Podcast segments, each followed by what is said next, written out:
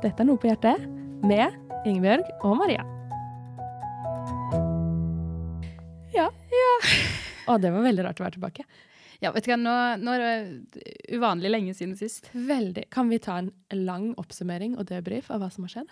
Ja, nå Det er så mye å snakke om. Det er så mye å snakke om. Men det Ja. første, det var så gøy å ta liveopptak på UL. Ja. Det var så god stemning. Jeg hørte noen som sa sånn når kjenningsmelodien kom, så satt noen og nynna med liksom, bak i salen. Og da kjenner jeg 'Å, så koselig'. Det var liksom, det var veldig mange der som, som var våre folk. Ja. ja. Det var veldig koselig. Det var Takk stas. for at dere var der. Ja. Ja. Og, men det var sist i august, og så har vi hatt uh, pause. Ja. Men nå sitter vi her med sushi og smågodt og Livet er en fest. livet. Og en mikrofon. Ja. Ja, veldig fint. Mm. Eh, og så har vi jo egentlig bestemt at denne første episoden skal være litt sånn eh, Svare på noen spørsmål, catch up på livet i all offentlighet. ja. Og ellers eh, så tenkte vi kanskje vi kunne legge en liten plan for våren. ja. Eller vi har lagt en plan for våren. Ja, dere skal slippe å bli med på den logistikken. Men hva skjer da, Ingebjørg? Ja. Du, vi, vi har en plan for hele våren. Ja. Vi har masse spennende navn. Folk vi har møtt og skal møte. Eh, så det kommer jevnlige episoder fra nå og fram til sommeren. Cirka. Ja. cirka. Det blir bra. Ja. Bra damer, mye fint på hjertet. Veldig ulik tematikk. Ja. Eh, og faktisk også eh, en liveinnspilling til ja. på Drottningborg videregående skole i mars. Ditt elskede Drottningborg. Mitt elskede Drottningborg. Der jeg gikk på videregående. Ja. På internatskole. Det var fint. Men det ble gøy. Ja. Vi, vi blei litt hekta på live. Ja, det? jo. Veldig stas. Og neste episode, da skal vi ha gjest. Mm. Og du møtte Maria Selbekk Ja. i går. ja. Ja. Hun er informasjonsleder i organisasjonen Menneskeverd, Ja. som jobber med menneskeverd-tematikk. Ja. eh, litt sånn politisk og rundt omkring. Eh, så er veldig spennende dame. ja. Hun må ofte flagge meninger som er litt uh, upolitisk korrekt, Ja. og få Og- litt motstand. Og gjør det på en veldig god måte. Ja. Ja. Det var et spennende intervju. Ja, Ja. det var, det var veldig artig å få høre liksom, hvordan du tenker. Så bare å lytte inn, som de sier, Mhm. om to uker. Ja, da kommer den. Ja, så bra. Men det har gått et halvt år. Ja. Hva har egentlig skjedd? Altså, Det var jo praktiske grunner til at vi tok oss en liten pause. Og det er jo at vi bor hver for oss. Vi bor hver for oss, ja. For du, du har jo flytta til Fredrikstad. Det er jo old news nå. Mm. Det er jo er det halvannet år, Ja, faktisk. faktisk. Ja. Dere, dere har liksom, nå bor dere der. Ja, veldig òg. Ja. Ja, det er kjempefint. Så jeg øver meg på å preke og bli breiere i dialekta for hver dag som går. Snakker ungene dine da? Eh, De kan komme med noen sånne, og så er det jo noen i barnehagen som syns det er veldig gøy å lære de sånne uttrykk. Ja. At kaka er bælgod og sånn. ja. Ja. Så det er fint. Det er partytriks. Ja. Men folk flest, altså den oppvoksende generasjonen i Fredrikstad, de snakker sånn klassisk eh, nøytral østlandsk. Ja, Litt sånn som jeg gjør sjøl, egentlig. Ja. Det er ikke så lett å plassere en. Nei. Det er vel litt tidstypisk. Ja. Men de voksne, de preker. Ja, sant. Hm. Det er interessant. Ja da. Interessant. Nok om det. Men hva har du gjort? Ja, um, altså sist uh, dere hørte oss, så var jeg i permisjon og var hjemme med, med Philip. Så han har blitt et halvt år eldre.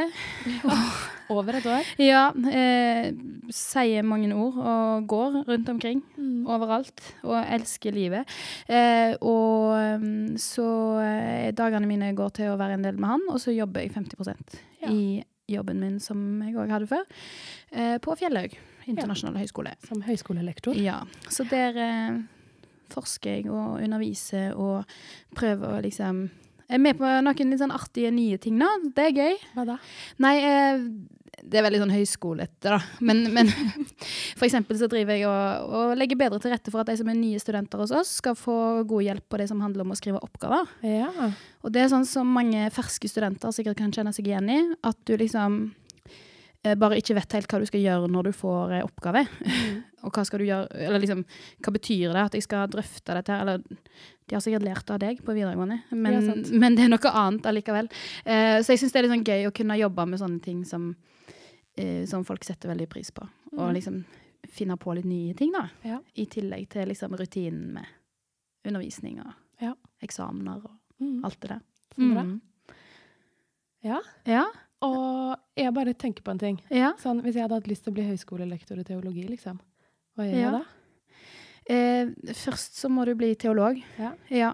Eh, så du, du blir ikke lærer, liksom. Nei. Nei. Eh, men du eh, Du tar en utdannelse i teologi, Ja. og så søker du på en jobb. Og så fikk du den, da. Ja. Ja. Så sånn skjer det. Og da skal du plutselig utdanne teologene. Ja. Så det er jo fint. Så det, det er jo bratt læringskurve etter du får jobben, på en Ja. måte. Mm. Det var det iallfall for meg. Jeg gikk jo rett fra å være student til å Eller det var bare noen uker liksom, fra jeg leverte siste eksamen til jeg Mm. sto der og underviste. Eh, og det var kanskje litt vel kort tid. Ja. Men, eh, men er det ikke litt sånn i alle jobber at du Jeg føler alle som liksom driver med mm, utdanning, sier sånn ja, er dere lærer nå liksom bare grunnpakken, og Ja. så lærer dere først når dere kommer i jobb. Ja, det tror jeg er veldig sant. Og det tror jeg er i de fleste yrker, egentlig. Ja. Det er jo alltid dritskummelt å begynne en ny jobb. Ja. Så må man bare tenke som Pippi. Ja. Dette har jeg ikke gjort før. Det er sikkert bra. Og så hjelper det jo med gode folk, eh, gode kollegaer, god oppfølging. Sant. Mm. Så bra. Ja, men eh, du da? Ja, jeg har jo også blitt lærer. Ja, du har blitt lærer. På et lærer. litt annet nivå, da. Eh, på videregående. Ja. Mm. Jeg jobber med norsk og med religion og som kontaktlærer. ja. Ja. Hva syns du om det? Jeg elsker det. det er så bra du vet hva jeg kommer til å svare på det spørsmålet. Ja, nei, jeg har, eh, jeg har jo alltid tenkt at jeg skal prøve å jobbe som lærer. Og nå har jeg prøvd det, og nå har jeg analysert. Liker jeg dette? Ja, det gjør jeg. Ja. Jeg liker veldig godt kombinasjonen av masse sånn ansvar for meg sjøl, fleksibiliteten til å kunne planlegge ting når det passer meg, og Ja. bestemme sjøl hvor mye planlegging som må til. Eh, og ikke minst liksom det der å se noen inn i øynene og se at de lærer noe, og se at en tilbakemelding betyr at de gjør det bedre på neste vurdering. Og Mm. de der små tinga som er livet, da, Ja. på skolen. Men hvordan vet du hva du skal si? Altså liksom, Når de har skrevet en stil, heter det stil? Innlevering? ja. Ja. En tekst? hvordan vet du liksom hva du skal si til dem for at, skal, for at de skal lære noe? Ja, det for min del syns jeg det var merkelig in, intuitivt. Var ordet. Ja. Ja, det bare Vi har jo noen sånne vurderingskriterier som er definert, som vi skal se etter. Mm. Og så Ja, så er det liksom litt sånn selvforklarende. Men jeg har fått god hjelp. altså Det er jo mitt første år. Jeg må liksom speile meg litt i noen andre og Ja. kryssjekke litt. Mm. Hvor eh, har jeg lagt lista? Sant. Men det, men det har gått veldig fint. Ja. Kult. Det er konklusjonen. Gøy å være lærer. ja. Men hva har gjort deg glad siden sist, Ingebjørg? Eh, altså um, Jeg gleder meg veldig til du skal svare. ja, dette. jeg bare Jeg syns det er litt sånn flaut. Eller nei, det er ikke flaut, men uh, Du må eie det. Ja, jeg må eie det. Eh, altså Tingen er jo at jeg er veldig glad i å lære nye ting. Ja. Det er liksom rammen for dette her. Ja. Og så har jeg dumpa borti sånn derre styrketrening. Ja. Altså Å gå inn på liksom den delen av treningssenteret som jeg sikkert aldri har vært på før. ja. Der det står sånne der menn i joggebukse og singlet og løfter vekter. Og der, der har jeg begynt å trene. ja. Og det er jo ikke bare et blaff nå, for det er jo en stund siden Nei, du det har gått fortalte noen måneder. ja. Og jeg liksom eh, Jeg har søkt veldig masse på YouTube, da. Og liksom- Tips og triks. Ja, og lært sånne der, eh, øvelser og liksom hvordan jeg skal gjøre ting. Og funnet sånne treningsprogram, da, så jeg slipper det, det er ikke så vanskelig som det virka i starten. Ja. For jeg har bare tenkt at det er en sånn verden som, som bare ikke er tilgjengelig for meg. For jeg bare så, Ja, jeg har bare aldri opplevd mestring på sånne ting før. Men, men det som er gøy med styrketrening, er jo at når du ikke har gjort det før, og så begynner å gjøre det, så blir du veldig mye bedre veldig raskt. Men du er forbi Så- det punktet nå, er du ikke det? Ja, dessverre. Ja. Så nå, nå er det ikke så gøy lenger. Nei. Fordi jeg er ikke bedre hver gang, liksom. Men, eh, men det er visst veldig sunt for oss, da. Eller de, de Ja. anbefaler anbefaler jo særlig kvinner å drive med styrketrening. Oppfordring herved gitt. Ja, så det er dagens sånn folkehelsetips. Nei, men eh, Men det gir en eller annen sånn følelse av mestring, da, som Ja. jeg syns er gøy. Og det å liksom ja, erobre en ny verden. så nei, jeg liker det. Så føler en seg litt sånn sterk, da. Ja. eh, ut fra mine forutsetninger. Så da blir du glad. ja. Så det, det gjør meg glad. Igjen og igjen. Så eh, får dere spørre om en stund hvordan hvordan det går. Jeg skal spørre igjen, jeg. Ja, Bare gjør vent. det. Ja, men du har kanskje noe litt mer ordentlig å dele. Ja, kjære venner, vi kan ikke rangere gledene våre her. Nei, men, Men, en, eh, annen, en annen kategori glede. Ja, Og fra tid Ja. til annen kommer jo de der store gledene. Ja. Ja, Og den her er i den kategorien, da. Mm. Fordi jeg, jeg nevnte jo tidligere på podden eh, for kanskje tre episoder siden da, at jeg hadde brygga på ei bok. Mm. Og nå har den landa. Akkurat nå er den til trykk, liksom. Ja. Så nå er den ute av mine hender på alle måter, og når den kommer tilbake ja, du har faktisk Så- godkjent at sånn kommer boka til å se ut. Ja. Og neste gang du ser det, så er det ei bok. Ja, Ja. faktisk. Det, og, eh, jeg har gjort det en gang før, da. Mm. Så jeg burde jo være erfaren og rutinert og litt sånn blasert nå, men det går ikke an. Nei. Nei, det er helt sykt. Tenk å lage ei bok. Ja, Ja. helt sykt. Jeg skjønner ikke at det går an engang. At det bare har vært et Word-dokument. ja, det har vært et Word-dokument. Og når jeg fikk det tilbake fra Jeg hadde to redaktører Mm. på det. Så var det sånn 2000 kommentarer å forholde seg til. Ja. Det Ja. Jeg skrev så dårlig. Nei da. Men det er jo liksom alt fra komma til kommentarer om noe som blir sletta, og noe som blir lagt til. Når de Ja. foreslår ting. Og, ja. Men eh, det er veldig, veldig veldig stas at den liksom har landa nå. Og det kjennes veldig godt at den skal få komme ut. ja. Ja. Men fortell litt. ja. Eh, det, boka heter jo 'Søker', Mm. og det er jo et ord i seg sjøl, på en måte. Som På en måte. Det er det. eh, og, og det ordet i seg sjøl sier noe veldig viktig om oss mennesker, tenker jeg da. At vi søker etter noe, og at vi har den lengselen i oss etter å finne svar på verdens største og viktigste spørsmål. Egentlig, Mm. hvem er jeg? Som er det store identitetsspørsmålet. Og svarene vi finner på det spørsmålet, det, de legger jo hele grunnlaget for livet vårt. Og det skjer uavhengig av hvor mye vi reflekterer over det, egentlig. For Mm. alle lever livet sitt på noen premisser, så om man har tenkt over det eller ikke, Mm. så ligger det liksom et sånn verdigrunnlag i bunnen der. Eh, men det Den min fiffige vri, da, er jo at eh, søker også er et akronym, som er da et ord som står for noe annet. Eh, og bokstavene står da for skapt og ønska og kjent og elska og redda. Og de fem orda da, er det jeg tenker er de avgjørende svara på spørsmålet om hvem jeg er. Mm. Og de er eh, forankra i Bibelen. Mm. Eh, og så har jeg skrevet da fem tekster på hver bokstav. Mm. Så det er 25 tekster med litt spørsmål til refleksjon eller ettertanke, eller til å samtale i bibelgruppe da, hvis man har lyst til å bruke den til det. Og så tror jeg egentlig, og håpet og bønnen har jo vært at boka skal være en sånn Hvis du leser den, så får du et godt grunnlag for hva kristen tro er, Mm. og hva, hvem Gud sier at du er, da. Mm. Rett og slett. Litt sånn stort prosjekt, kan du si. Ja. Ja. Enkelt og greit. Kort oppsummert. Kort, kort oppsummert. Men, men hvem er det for? Hvem har du sett for deg? Ja, jeg har sett for meg typ eh, meg sjøl som 15-16-åring. Mm. Eh, men også eh, de voksne jeg kjenner som ikke har vært kristne så lenge, Mm. og folk som ikke har eh, helt på en måte fått hele det læregrunnlaget da, på plass. plass. Eller sånn, ja. Som, så målet har vært å skrive med et enkelt språk om de viktige tinga Mm. som vi kan bygge livet vårt på, Mm. og som tåler at vi bygger livet vårt på de, hvis du skjønner. Mhm. Ja. Så det er, jo, det er jo et litt stort prosjekt. Så får uh, analytikerne se om det står seg. Mm. Men um, ja, jeg har sendt ut boka til noen folk som har gitt litt tilbakemeldinger. da. Mm. Eh, og no, både noen ungdommer og noen ungdomsledere. Mm. Og da når jeg har fått de svara, så har jeg bare begynt å grine hver gang. Fordi, fordi man blir så følelsesmessig involvert da, når man Ja. sitter og skriver noe som faktisk skal bli noe, som forlaget har tro på, som folk bruker penger på og liksom har lyst til å få ut. Mm. Og så når man da Ja, når jeg da får de meldingene om at eh, de forstår prosjektet mitt, og de Mm. forstår hva jeg ønsker, og hva hjertet mitt er inni det, og opplever at det kommuniserer, da, Mm. Så er det en sånn veldig sånn varm og god klapp på skuldra. Og gir meg litt ekstra frimodighet, da, kanskje, i å snakke om boka utad òg. Mm. For det er noe litt sånn ubehagelig med det der å sitte og Ja. ja, gjøre PR for sin egen bok, da. Mm. Men fordi det er en bok som handler om tro, og om det viktigste i livet, så tenker jeg at den frimodigheten må jeg bare våge å ta på meg, liksom. Ja. Fordi at jeg håper at den kan bli til velsignelse for mange, da. ja, og temaet springer jo ut av det du har hørt fra folk, eller det Mm. du vet at folk lurer på, og, Ja. og har lyst til å få svar på. Um, så du kan jo være trygg på at liksom, dette er det noen som skulle ønske at noen skrev om. Ja. ja. Det tror jeg er sant.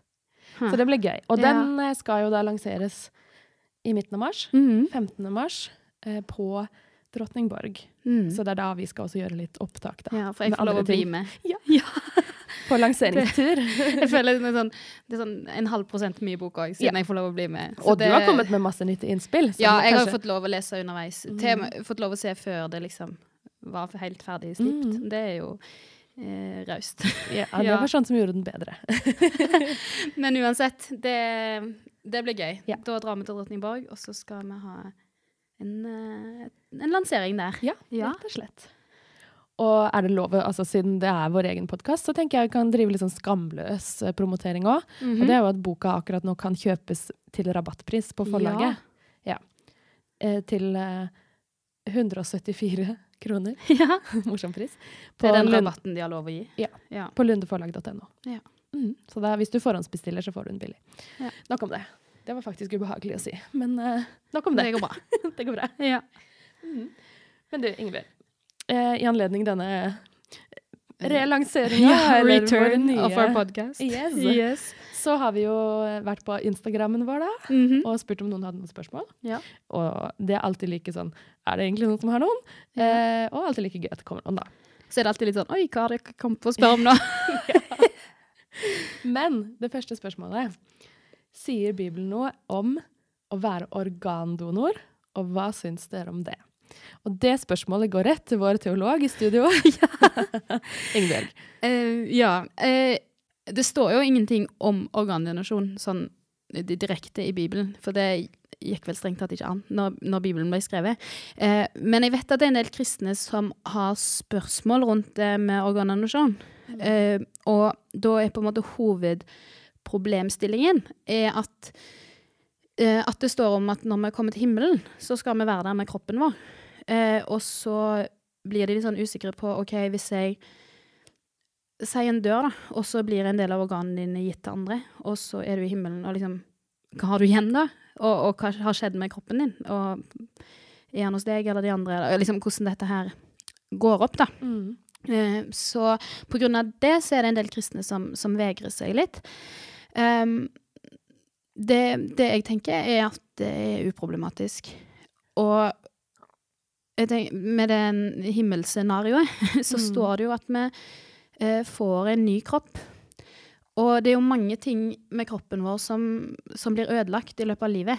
Mm. Vi kan ha skader, og vi kan ha blitt operert og ha arr og har mista deler av kroppen på andre måter. Og, liksom, Mm. ehm, og det klarer liksom Gud å forholde seg til når vi er i himmelen. Og så er det vel ingen som vet akkurat hvordan vi liksom kommer til å se ut. Nei, og så kan man jo faktisk ha dødd i en ulykke hvor kroppen blir ødelagt òg. Ja, sant? Og da er det liksom Nei, jeg vet ikke om alle blir liksom en sånn 20 år gammel versjon av seg sjøl, eller liksom hvor vi eh, Når er vi på topp? Ja. Hvordan det der blir. Men ehm,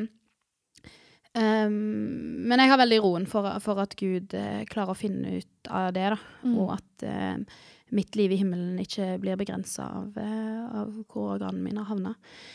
Uh, og så tenker jeg sånn generelt at som kristne så er det veldig fint å kunne gjøre en sånn ting. Eller du, Mm. du kan jo egentlig gi, gi noen livet på nytt, da. Ja, faktisk.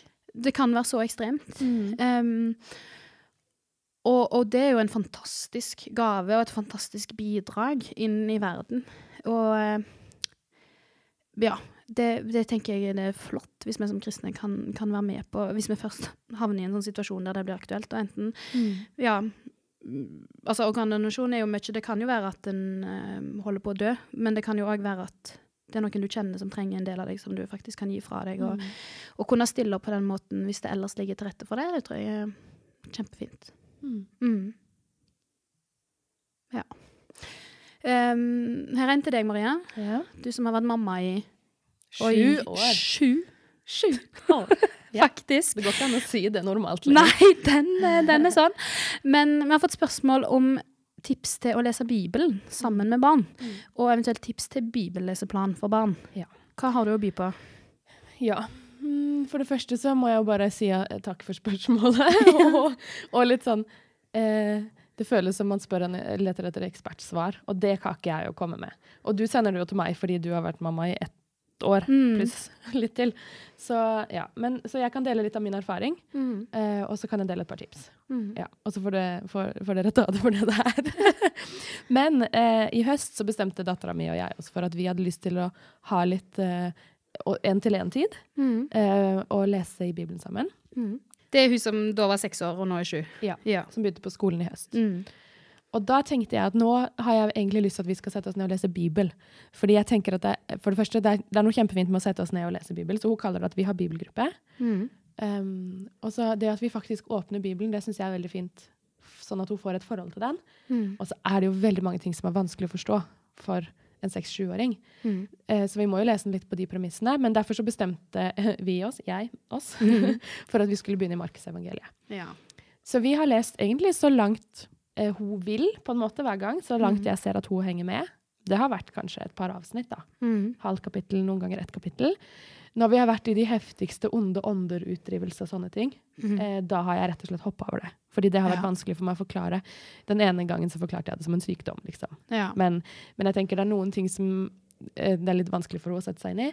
Men det har vært veldig mange ting som har vært veldig gøy å høre henne reflektere rundt. Mm. Og så tenker jeg at nå handler ikke dette her om å gi henne alle mulige teologiske svar på ting nødvendigvis, men om å gi jo egentlig eh, å bli kjent med Jesus, da. Mm. Så det, hver gang vi skal lese Bibelen, så ber vi om det.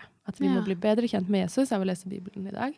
Og så etter vi har lest en tekst, og snakka om den litt underveis, for hun stiller litt spørsmål underveis, så har vi alltid liksom skrevet ned dagens spennende emner. Ja. Og det har liksom hjulpet henne til å reflektere litt rundt både ting hun kan takke for, og ting hun kan be for. Det har vi gjort på sengekanten i mange år, så det er ikke det, men da har det blitt litt mer sånn systematisk, da, siden Ja. vi skriver det ned. Og som regel har vi gjort dette her en gang i uka, men nå etter jul så har det blitt litt, litt færre ganger igjen. Så sånn er jo livet. Det går litt Mm. opp og ned. Så jeg har ikke lyst til å løfte fram det her som et sånn prakteksempel på Maria gjør det så slavisk og så perfekt og så bra. Men liksom, grunntanken min har vært at jeg har lyst til at hun skal bli glad i Bibelen. Ja. Og at vi to kan gjøre det sammen. Sant. Ja. Og da velger dere Markus fordi den er litt sånn komprimert, er den ikke det? Jo, Eller- komprimert, og, og jeg syns den er ganske sånn enkel i språket. ja. Ja. Så det har vært fint. Jeg får meg at det er en god plass å starte. Ja, Mm. takk for din teologiske tommel opp. det er veldig fint. Men ja, så, så det er i hvert fall mulig, da. Mm. Det kan man jo kanskje ta som en oppfordring. Ja. Og jeg vet jo mange som leser Bibelen med barna når de blir eldre òg. Og det, det, det viktigste her, som jeg kanskje har lyst til å oppmuntre til, det er å lese Bibelen med barna. Mm. Gjøre det til en vane fra tidlig, og la det være en sånn én-til-én-relasjon. Fordi det syns jeg er så fint, at man får den eh, arenaen for å snakke om tro. Mm. Og så vet jo ikke jeg hvordan ting blir når hun blir større. Min erfaring går nå opp til sju år, og ikke lenger. Og min sjuåring er min sjuåring, ikke sant? Andre Ja. sjuåringer vil kanskje ikke ha det refleksjonsnivået hun har. Jeg vet hun er ja, reflektert til å være Mm. sin alder. Så, mm, så det vil jo variere veldig. Men eh, for meg har det i hvert fall vært en god start, oppleves det som. Ja. Ja. To tips. Mm. Um, det, den ene har jeg kjøpt fordi den virker veldig bra. Jeg bladde i den og tror den kommer til å funke bra. Den andre har jeg ikke brukt siden jeg sjøl var barn, Mm. men jeg vet at den fortsatt fins, og jeg tror den fortsatt er bra. Uh, den jeg har kjøpt, Mm. det er året, året rundt aktivitetsbibel fra Lunde, som er veldig sånn praktisk og gøy. Mm. Aktivitetsbibel er vel stikkordet. Ja. Uh, så den har jeg egentlig tenkt å begynne å bruke med fem- og sjuåringen, ja. begge to. Eh, og den andre, det er Alfa, altså bibelleseplan. Alfa Super fra Mm. Bibelselskapet. Den finner du på bibel.no. Ja. Så den, og den vet jeg flere bruker, altså. Så jeg Ja. tror jeg kan gå god for den by association. ja.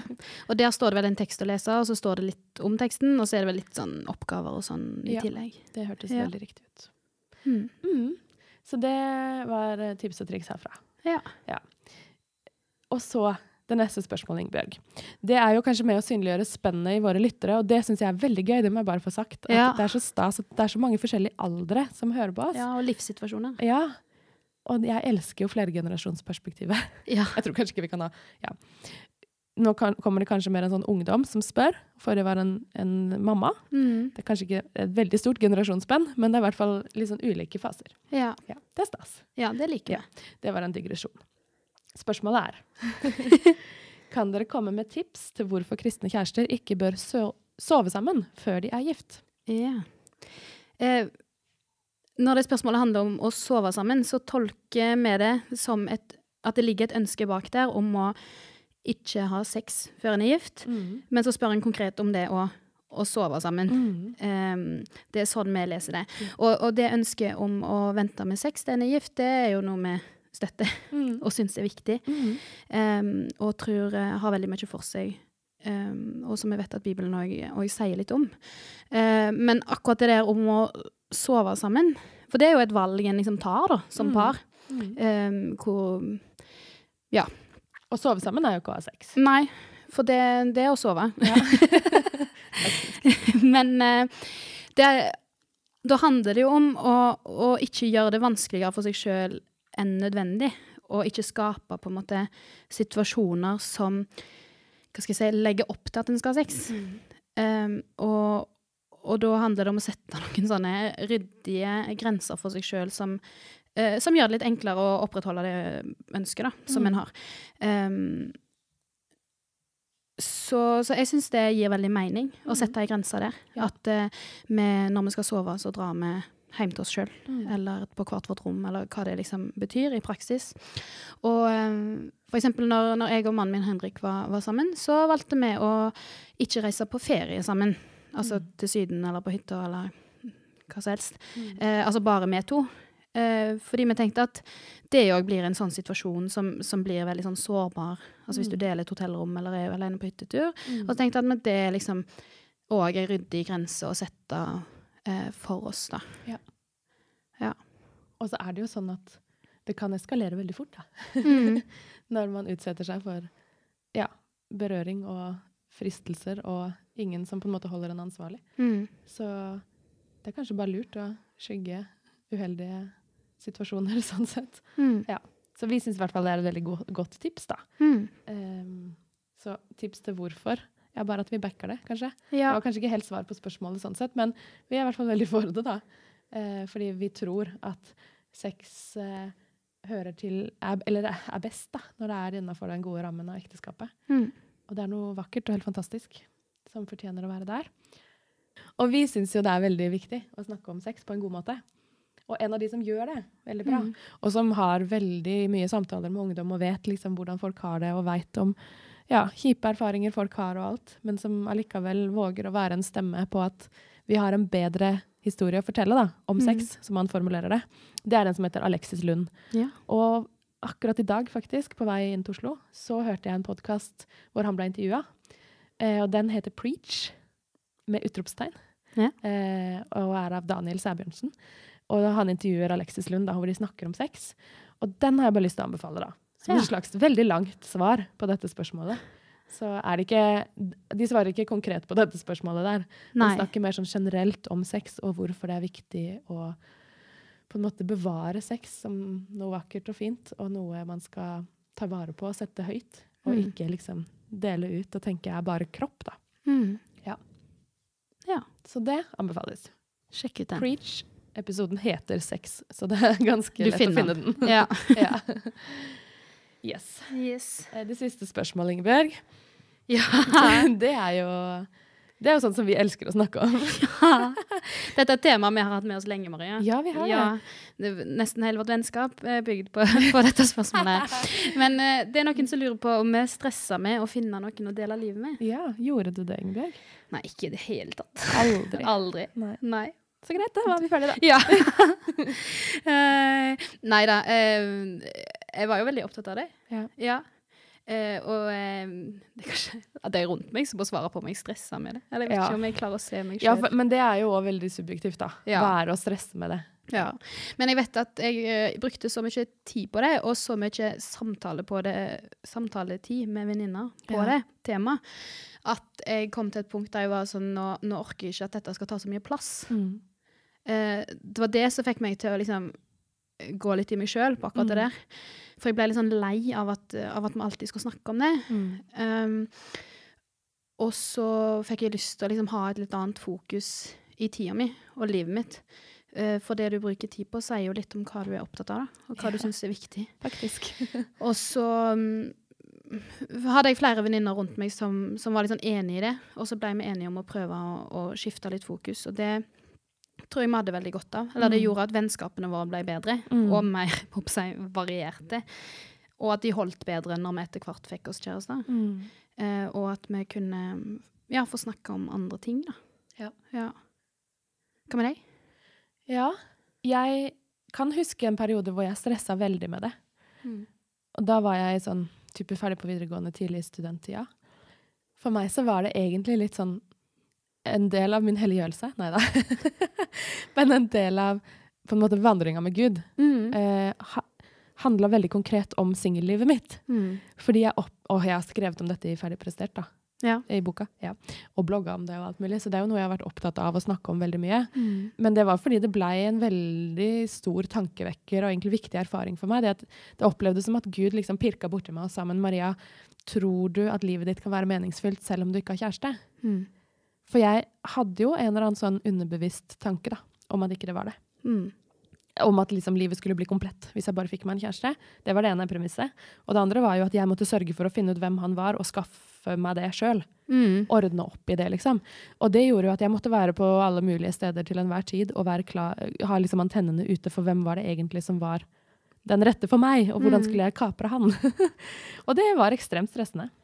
Så når Gud begynte å pirke borti det hos meg, så blei det egentlig en veldig sånn intens, emosjonell og bønneprega prosess. Mm. Men det jeg kom ut av til slutt, var jo egentlig med en sånn trygghet i at jeg kunne si til Gud at ja, hvis jeg skal være singel, så er det fint. Mm. Og du er den samme uansett. Og mitt liv er meningsfylt, uavhengig av sivilstatus. Uh, og også at jeg ikke skulle stresse med å være alle mulige steder. Mm. Og så dukka jo Sven Arne opp, da. Mm. Um, og det var jo ikke sånn derre plankekjøring fra den prosessen ble på en måte avklart med Gud, til Sven Arne var der, men det var allikevel en sånn helt annen ro Mm. gjennom de åra. Um, ja. Og så dukka Sven Arne opp, og det var ikke noe stress. Ja, det var mer sånn Jeg var litt prega av at jeg er skilsmissebarn, så jeg var sånn når vi ble sammen, så var jeg sånn Men dette betyr ikke at vi skal gifte oss! så det var jo en annen, eh, en annen ting igjen, som òg kunne Ja. skape litt stress. Men uh, Så var dere plutselig gift. så var vi plutselig gift. Ja. Og så har det gått fint. Ja. Men så er det jo det vi begge pleier å si, som Mm. andre ler av, at vi tror at vi kunne hatt det bra med et annet menneske også. Mm. Jeg tror ikke det er Svein Arne som er meninga med livet mitt, Nei. Men han er en enormt stor gave fra Gud til meg, Mm. og det er jeg veldig takknemlig for. For vi har det bra sammen. Enormt stor gave fra Gud. ja, Det må du skrive på ei T-skjorte til han. sant. Nei, men, men det er jo sant at eh, vi tror ikke at liksom, Gud har eh, I det liksom, Henrik og Svein Arne ble født, så ble de liksom stempla til oss Nei. av Gud. Men at, eh, at Gud kan bruke dem inn i vår liv, Mm. og oss i deres tilbake. Mm. Ja. Det er vi glad for. Ja. ja. Og så um, det passer det seg jo veldig godt da, å quote. Jeg hadde jo også noen venninner jeg gikk denne turen litt sammen med. Mm. Og da, vår liksom saying var jo henta fra en bok som jeg da anbefalte deg seinere. Ja. Hvor mantraet er 'Who's the captain of your love boat?' Så det ransakende spørsmålet fulgte meg. ja. Mm. Er det Gud, eller? Hvem, hvem var det? Ja. Nå er alle veldig nysgjerrige på hva den boka heter. Jeg tror vi kan anbefale den, kan vi ikke det? Jo, jeg føler for alltid å komme med sånn derre Ja, den er litt amerikansk, da. Skjønner du? Men eh, ja, vi kan anbefale den. Den heter 'When God Writes Your Love Story'. Oh yeah. Jeg er skikkelig god i engelsk. Av Ludi. Ja. Eric og, og Leslie. Leslie. Ludi. Ja. Jeg tror aldri jeg fikk den tilbake, Ingebjørg. Neida. Nei, jeg tror kanskje den eh, Kanskje har blitt gitt videre. Ja, det kan Ja. Den kan vandre fint. Men, Ja. Det, ja. Men Det var- den, den er faktisk en plass å begynne, da. Ja. Med alle sånn hensyn om sånn amerikanskhet. Ja. Ja. Sant. Men altså, vi kyssa før vi blei forlova og gift og alt det der, da. Ja, for Det, det, tror jeg ikke de gjorde. Nei. Apropos sånn amerikansk. Ja, de Ja. har kanskje en litt annen Ja, det er litt annen greie der. Men noen fine, fine prinsipper. Ja. Ja. Og ikke minst en varm anbefaling herfra på å legge alt i Guds hender. Mm. Og det er kanskje ikke noe man gjør én gang, men noe man gjør flere ganger Mm. gjennom livet. Og det gjelder jo veldig mange andre ting òg. Eller mm. altså det er jo ikke bare dette med å finne noen å dele livet med, som kan være en sånn ting som vi gjør til liksom den store tingen som skal gjøre livet mitt bra. Mm. Altså, det kan være mange ting. Ja. At liksom, så snart det der liksom blir bra, så Mm. blir ting bra. Eh, og det å utfordre den tanken Ja, for den gjelder på så mange områder. Den Ja. gjelder på at jeg skal bare forandre på kroppen min, og jeg skal forandre på kostholdet mitt, Ja, og jeg skal skal, få jobben, barn, og jeg skal Ja. Uh, og, Det er falsk jakt etter Ja. lykke. Og at god må være captain of your everything boat. ja.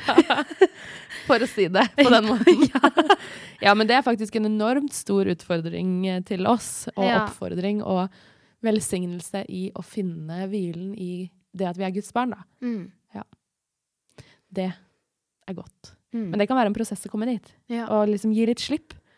Og Ja. så har jeg jo innsett at når jeg prøvde å være på alle riktige steder og oppdage hvem som var mannen i mitt liv, Mm. så var det jo bare sånn falsk trygghetskontrollbehov-greie. Mm. Fordi at det, det hjalp jo ikke det. Nei, men det koster jo å gi fra seg den kontrollen, da. Ja. Og tenke at ja, men nå, nå, skal, nå er det Gud som skal fikse dette. Ja. Selv om jeg sitter i stua mi. Ja. Eller, ja. Det kan føles litt sånn der Jeg låste meg ikke inne da i mange år, Ingebjørg. Det gjorde ikke du heller. Men vi var kanskje ute blant folk med litt lavere skuldre. Ja. Ja. Sparte litt energi. Ja. Du bruke den på andre ting? ja. Mm, så sånn er det. Det tenker vi om den saken. Det tenker vi om den saken. Ja. Legg det i Guds hender. Yes. Ja. Amen. Mm.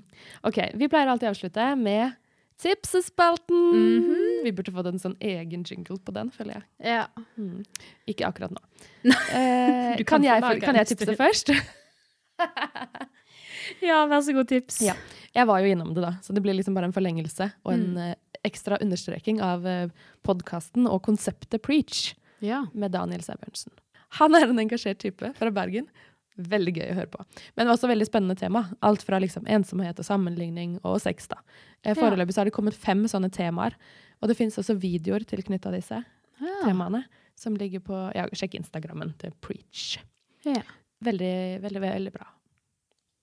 OK, tips hit. Din tur. Jeg vil tipse om en ny podkast mm. som akkurat har blitt lansert. Ja. Eh, og den er tilbake til den der mammagruppa av de som hører på Ja. hos oss. Dette er til dere. Ja, hør nå. Eh, nei, det har kommet en podkast som heter Pusterom for mamma. Ja. eh, som er til mødre. Ja. Et pusterom for alle oss. Og det trenger vi noen ganger. Ja. Og det er Katrine Vigdel som har vært gjest hos oss for lenge siden. I Snakket om episode liksom fire eller et eller annet. Altså helt i starten. Hun Vår om- poddevenn. Ja. Hun snakket om sakte liv da, og snakker mye om det fortsatt. eh, Og har altså lansert denne podden nå etter jul. Og vi har blitt intervjua, Hver for oss. hver for oss. ja. Så nå vi, nå er vi inne i den der poddeverdenen der du liksom, fordi du har en podkast, så blir du, kommer du på en annen podkast. Ja. Det Kanskje. er en egen dynamikk. Ja. Ja. Så det er jo kult for oss. Som elsker å snakke om livet. Eh, Men så vi dukker opp der eh, snart. Ja, en eller annen gang. Ja. Eh, og så mange andre fine gjester. Mm. Og så har Katrine en del episoder der hun ikke har gjester, men snakker sjøl og har mye spennende input. Ja. Ja. Hun er generelt en reflektert og gøy dame, ja. så det er fint. Ja. Så anbefaler den. Pusterom for mamma finnes der du finner sånt. Ja, Ja. Som alle andre podkaster. Yes. Så bra. ja. Men da er vi i havn. ja, rett og slett. Nå har vi snakka oss varme og er klar for en ny sesong. Ja. ja. Hele våren. Yeah. Men uh, vi syns det er kjekt med alle dere som fortsatt Mm. hører på. Send oss spørsmål hvis dere har noe, da. Eller Ja. tanker eller eh, innspill. Eller Det, vi er alltid klare for forslag. Ja. ja. Veldig gøy. Eh, og så eh, er det bare å glede seg. Det er ikke lenge til neste episode. Nei. Nei. Så da eh, snakkes vi. Snakkes da. Hei da.